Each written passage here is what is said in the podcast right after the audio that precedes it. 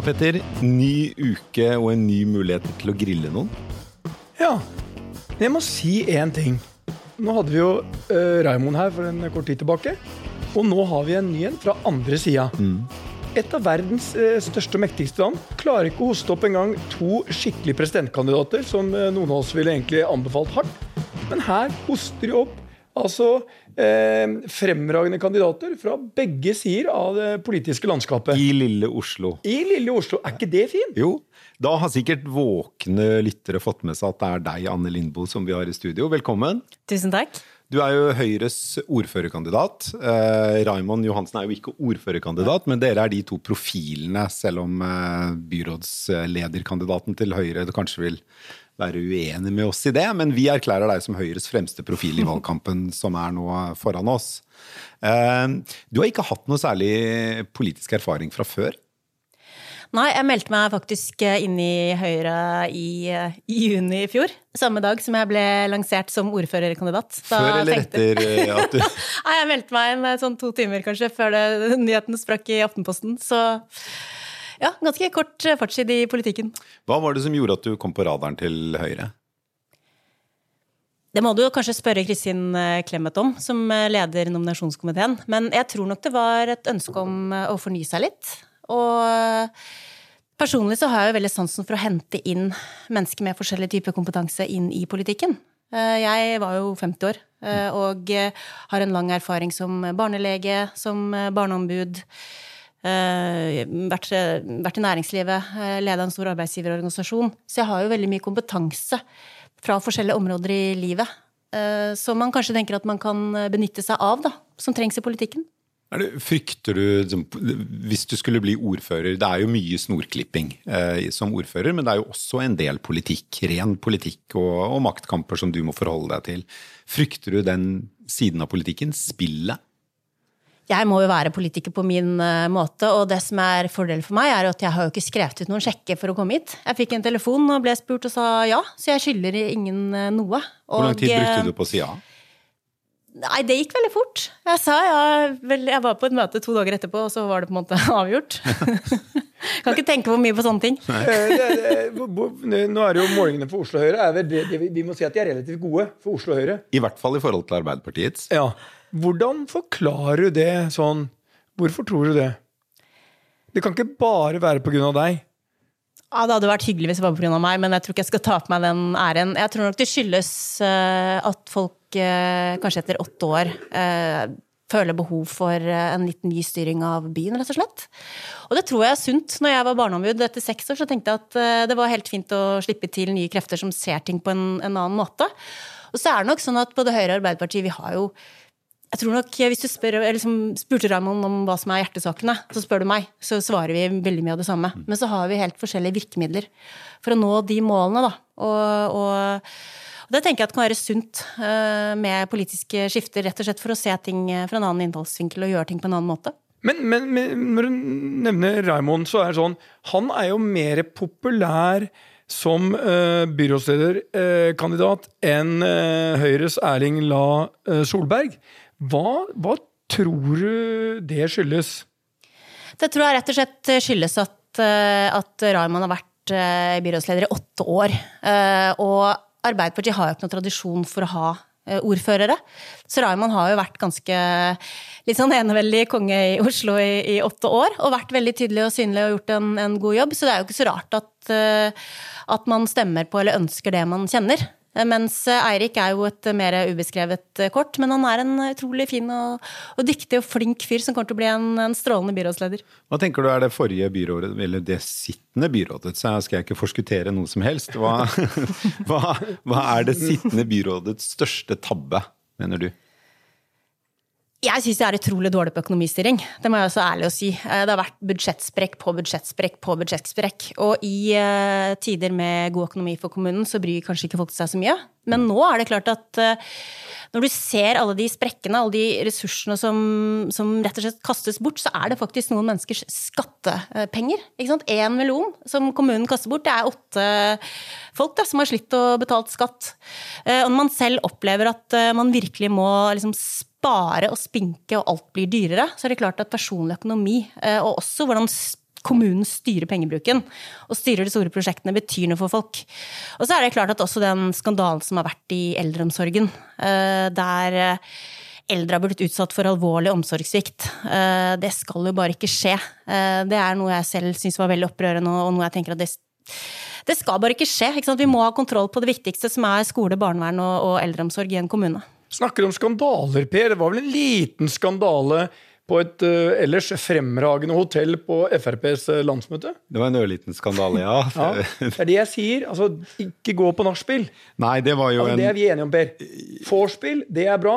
Nachspiel skal man holde seg unna. Altså, du legger deg jo normalt sånn i titiden. Jeg eh, legger meg ikke fullt så tidlig, men jeg pleier å legge meg før nachspielet begynner. Det gjør jeg, Så det, det, vi er trygge der. Der er vi trygge. Men uh, ja, Nei, det er sant, det. Det var jo en uh, politiker i Frp i Oslo. Han dro på nachspielet og ble ganske raskt ekskludert av partiet. Uh, det er vel ingen grunn til å frykte noe sånt verken fra deg eller Erling La Solberg i en, høye, et høy, eventuelt høyreledet byråd? Jeg har ikke det vane å gå rundt og ta balletak på folk. Nei, det, det, er, det, er litt ustilig. Balletak det, og politikk vi slutta med sånt for en stund siden. Ja, men, men, det men, det viktige er jo sånn, hvor avhengig er dere i Høyre av Frp for å vinne valget i Oslo? Og, og hva tror du at Eh, følgende av Jeg vet ikke om de får strøket den. Det var vel noen som sa at du kan mm. få tatt den av lista? Nei, det vet jeg ikke. Men Frp er jo uansett eh, Om det var mulig å svekke dem ytterligere i Oslo, så er det jo blitt det. Det er jo virkelig ikke en drømmekoalisjonspartner med det partiets uh, posisjon i Oslo. Klarer dere sammen å kunne stable et uh, byråd på plass? Heldigvis så gjør jo vi det veldig bra på målingene. Og så er det jo riktig som dere er inne på at eh, vi må jo samarbeide med noen andre partier, med mindre vi får 50% Og det tror jeg er et litt hårete mål å, å sette seg. Og så er det jo mange partier vi kan samarbeide med. Og ja, altså, man har jo Er du så pragmatisk at du kunne, tatt, ja, men er du så pragmatisk at du kunne samarbeida med MDG? Absolutt. Altså, for meg så er det viktigste at det blir et nytt eh, byråd. Og, eh, og, jeg har vært åpen hele tiden på at et samarbeid mellom Høyre, MDG og Venstre kan være en mulig konstellasjon. Og så må vi jo se resultatet ved valget. Mm. Eh, MDG, dessverre, syns jo jeg, har jo vært veldig tydelig på at de foretrekker å gå rødt. Men igjen, det blir jo resultatet etter valgdagen som avgjør, og for oss er det jo viktigst at det blir et byrådsskifte. Eh, og hvilke partier vi da skal samarbeide med for å få det til, må vi avgjøre da. Og se, det blir jo forhandlinger da etter eh, valget. Hvordan er det dere har tenkt å bruke et eh, eventuelt byrådsskifte best? Hva, hva blir det liksom, tydeligste skillet mellom det byrådet vi har i dag, og det byrådet du ønsker å være ordfører for? Det blir jo noen, tydeligere, noen tydelige skiller. Én ting er jo eh, offentlig-privat samarbeid, som jeg er veldig opptatt av. Jeg, jeg er lege, jeg har jobba som barneombud, jeg har jobba med både barnevern, skole, eldreomsorg. Og jeg er liksom genuint opptatt av at, at, de som trenger de tjenestene, skal få så gode som mulig tjenester. Og hvem som leverer dem, det er mindre viktig. Mm. Eh, det er kanskje den største skillelinjen eh, mellom det byrådet vi har nå og, og et Høyre-leda byråd, at vi vil slippe til alle gode krefter. Og når det gjelder sykehjem, eksempel, så har man jo fasa ut noen av de aller mest populære, noen av de beste sykehjemmene Oslo hadde, som scora veldig høyt på bruker- og pårørendeundersøkelser, de vil man ikke samarbeide med. Fordi de, fordi de, er, private. Fordi de er private. Ja. Det samme gjelder jo barnehager til en viss grad, der man ønsker å fase ut eh, private barnehager. Og vi ser den også innenfor barnevern, der man faser ut eh, private barnevernsinstitusjoner. Eh, til tross for at man har en skrikende mangel nå på akuttplasser i Oslo. Mm. Og det må jeg innrømme at det, det provoserer meg faktisk. Og det er fullt mulig å slippe til eh, private aktører. Ha et moderat nivå på profitten, og også sikre ansattes eh, arbeidsvilkår. Så der kommer man til å merke en stor forskjell, at vi kommer til å invitere inn gode krefter. Selvfølgelig med, med tydelig kontroll både på arbeidsforhold og, og, kvalitet, for å løse de utfordringene vi har i Oslo. Det er jo en uh, hodepine det der, fordi nå har jo uh, det byrådet som sitter, brukt mye krefter på si, få bort private aktører innenfor en del velferdstilbud. Og, og, det blir vel krevende å få dem tilbake og tro på at uh, de skal satse igjen nå. Jeg kjenner selv folk som har investert i bl.a. private mm. barnehager. Uh, og de er så lei av at alt handler om politikk og rammevilkår som kommer og går. Er det, er det en sektor som er skadeskutt for, for lenge nå? Det er et godt poeng det du er inne på. Liksom, byrådet har brukt nesten 2,5 milliarder kroner eh, på å kjøpe opp eh, private barnehager og, og, bygge egne uten at det blitt en eneste ekstra barnehageplass. Jeg tror faktisk Eller man mer har færre. fornøyde Nei, og foreldrene er jo foreldre. mer fornøyde med de private barnehagene ikke sant? På, på brukerundersøkelse igjen. Eh, Men når det gjelder eldreomsorg, så har vi allerede vært i dialog med en del aktører. Eh, De er jo der enda, eh, men de er jo veldig tydelige på at de trenger jo forutsigbarhet og og gode avtaler med kommunen. Mm. Selvfølgelig for å kunne drifte med høy kvalitet og planlegge godt over tid. Da. Så hvilket forhold har du til gratis skolemat, flere sykkelveier, flere parkeringsplasser i Oslo sentrum, eller færre, som kanskje har vært greiene nå? Så, altså, skolemat, sykkelveier og uh, færre parkeringsplasser. Veldig konkrete spørsmål. Kan begynne med skolemat. Fint med gratis skolemat, men jeg syns det er for dyrt. Eh, 150 millioner. Eh, Veldig mange barn kan smøre matpakker selv. Eh, Så jeg vil heller prioritere eh, gratis barnehage, f.eks. kjernetid i barnehagen, til flere barn. Eh, Når det gjelder sykkelvær, så er det fint. Men det som er synd med den satsingen som er gjort, er at det er jo knapt flere som sykler. Andelen er akkurat den samme. Den var 5,9, og nå er den 6% Så man må jo spørre seg liksom, bygger vi sykkelveier på de riktige stedene. Jeg tenker at vi må ha gode akser eh, inn til byen, og kontinuerlige sykkelveier. Eh, I dag er det mye sånn opp og ned, og plutselig er det avbrutt, og det er mye hull og sånn. Så, så sykkelveier er bra, men det å få opp flere som sykler, er jo det aller viktigste. Og det siste spørsmålet, Petter, det var Det var parkeringsplasser. parkeringsplasser. Noen mener at det har blitt Ja. mye færre parkeringsplasser. Eller det har det blitt, og Det har det er et problem. Ingen trenger å bekymre seg for at vi skal fylle Oslo sentrum med biler igjen. Det er jo litt sånn skremselspropaganda som eh, venstresiden innimellom liker å bruke. Eh, Samtidig så må vi anerkjenne at, eh, at eh, for en del næringsdrivende næringsdrivende f.eks. og mennesker med funksjonsnedsettelser, så er det krevende å finne parkering. Så jeg tenker at det går an å få til begge deler. Det fordrer selvfølgelig God kollektivtilgang, det er jo kjempeviktig, og derfor vil jo vi sette ned prisen på, på månedskort. Eh, Vi må også sørge for eh, økt kapasitet på innfartsårer, f.eks., for eksempel, i forhold til eh, parkering. Mm. Og så må vi kanskje være noe mer fleksible i forhold til en del eh, håndverkere og mennesker med funksjonsnedsettelser, og, og ja, tilgjengeliggjøre parkering for dem, da. I Stavanger så kuttet jo eh, prisen eh, på all kollektivtrafikk til null denne Ja. uken. Det er et eh, dristig tiltak. Så nå er det gratis å ta buss og eh, Nei, de har vel ikke trikk i, i Stavanger, men buss og noe ferge, kanskje.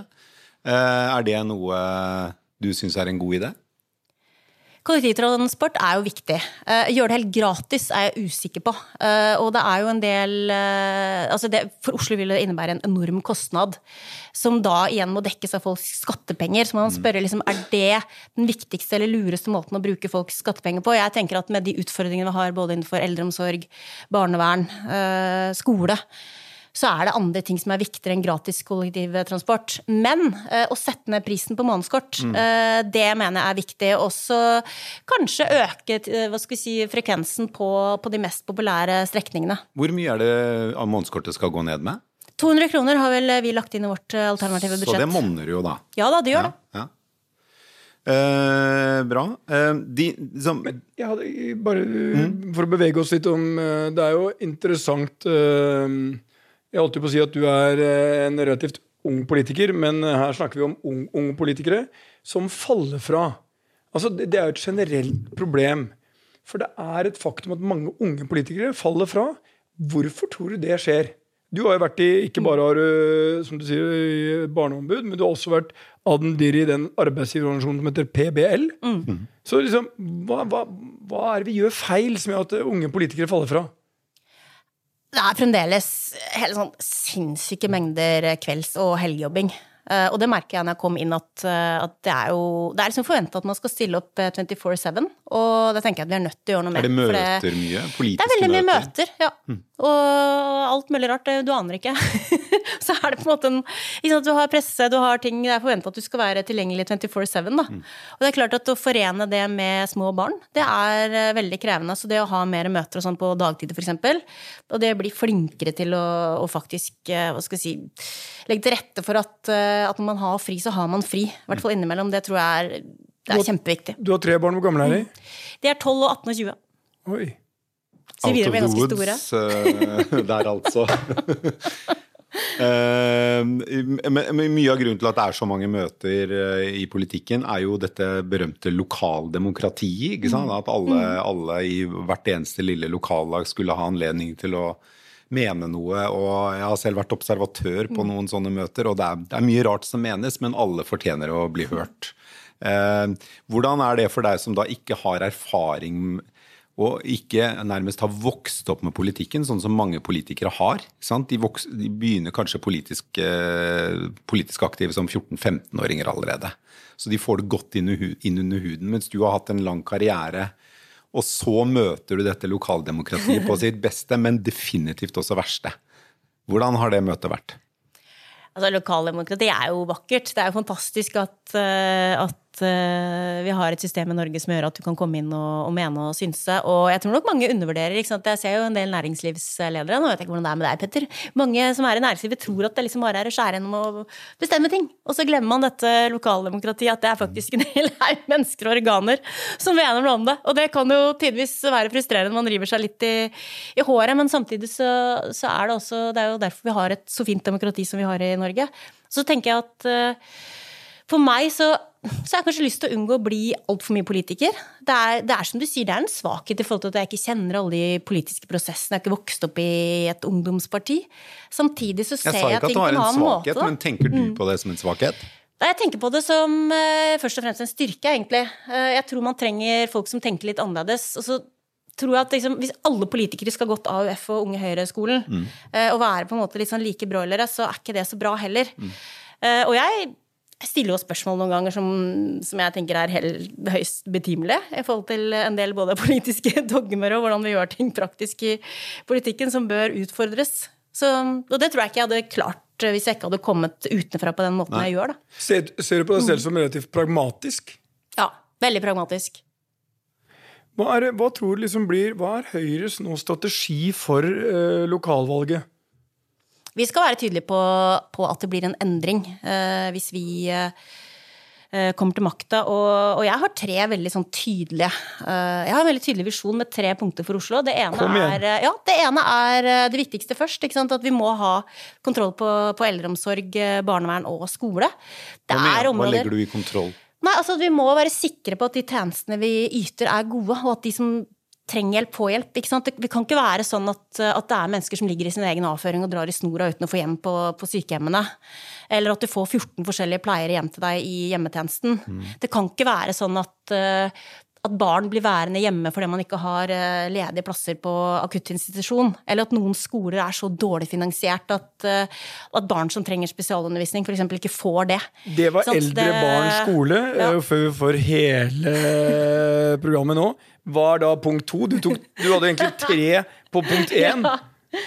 Det andre var sosial ulikhet, og det går jo litt inn i, i det med barn og skole, egentlig. Vi, har, vi må prioritere steinhardt. Og jeg mener at vi kan ikke ta oss råd til eh, en del av de brede ordningene vi har i dag. F.eks. gratis AKS til alle. Det er fint.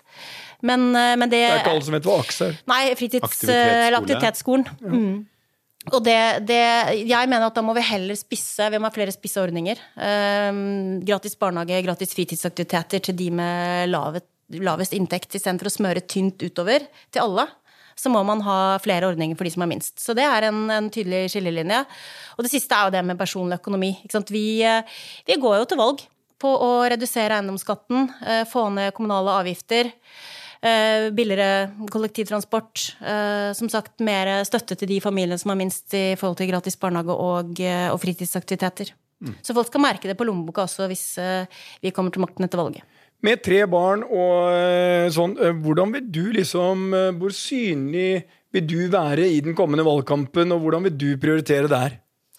Jeg må jo være synlig. Det er jo. Du må jo stå på stand og dele ut oh, yes. uh, ja. Jeg skal stå i ullgenser og steke vafler og prate med folk. Det er kjempegøy. Jeg elsker å være ute og prate med folk. Og det er utrolig hvor mye gode innspill og hvor mye gode Altså, de historiene du møter når du er ute og treffer folk, det er det, er det gøyeste med å være politiker, syns jeg. Så derfor så er ikke jeg så redd for det som du beskrev, litt som sånn snorklipperrolle. For jeg tenker at det å få lov til å være til stede på viktige anledninger for folk i Oslo om det nå er åpning av en fritidsklubb eller en skole eller eller noe annet. Så det, er- det er viktig anledning for folk. Uh, og er ja. Ja, Og det er jo litt sånn, Per, altså snorklipper, det er litt sånn vi ser noen ganger på ordføreren, men, det er, men det er jo, du og jeg er jo enige om at uh, ansvar som makt, det er jo noe du kan uh, ta og ikke alltid bli gitt. Ikke sant? Og det viser jo bare Raymond Johansen andre vei, da, at han tar så mye ansvar og makt som byrådsleder på bekostning av eh, ordføreren i dag. Eh, Det er jo mulig å gå begge veier. For han er jo veldig synlig. Og, Veldig synlig. Ja. Og, og mye av makta i politikken ligger jo i synligheten som politiker. Så, Absolutt. Så der har du jo også en god mulighet ja. som ordfører, hvis du skulle bli det. Og jeg kommer til å ta det rommet som ligger der. Altså jeg, ja, det er viktig å klippe snorer og være til stede, men jeg kommer til å bli en ordfører med en politisk agenda. Og det er veldig tydelig. Det er de mest sårbare. Det er eldre, det er mennesker med funksjonsnedsettelser, og det er barn. Ikke sant? Og det jeg opplevde som barneombud, det var at vi snakker så mye om de gruppene, alle syns det er viktig, men når det kommer til politiske prioriteringer og budsjetter osv., så, videre, så nedprioriteres det. Så jeg tenker at der skal jeg gå rundt og pirke med fingeren og skal du si, sparke med foten.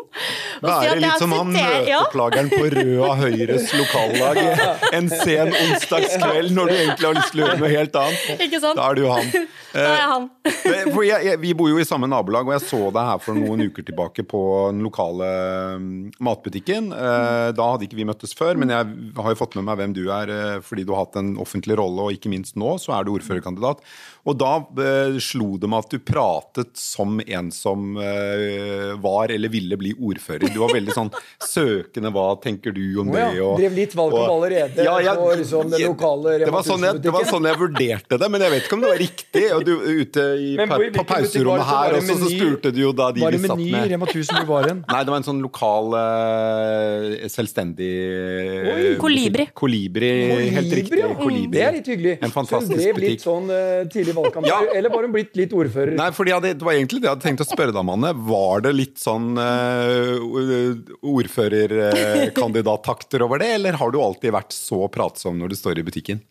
Det var nok meg, eh, Anne Lindboe så der. Jeg er jo veldig glad i å bli kjent med folk. Og som jeg sa, så det å være ute og møte mennesker uh, syns jeg er fantastisk. Og så er jeg jo genuint opptatt av å høre hva folk hva, hvordan de har det i livene sine. ikke sant? Og, og jeg tenker vi må jo ut og finne ut hva, altså, hva er det som er viktig folk, eh, for folk. Hvordan skal man kunne gjøre Oslo bedre, til en bedre by å, å bo i?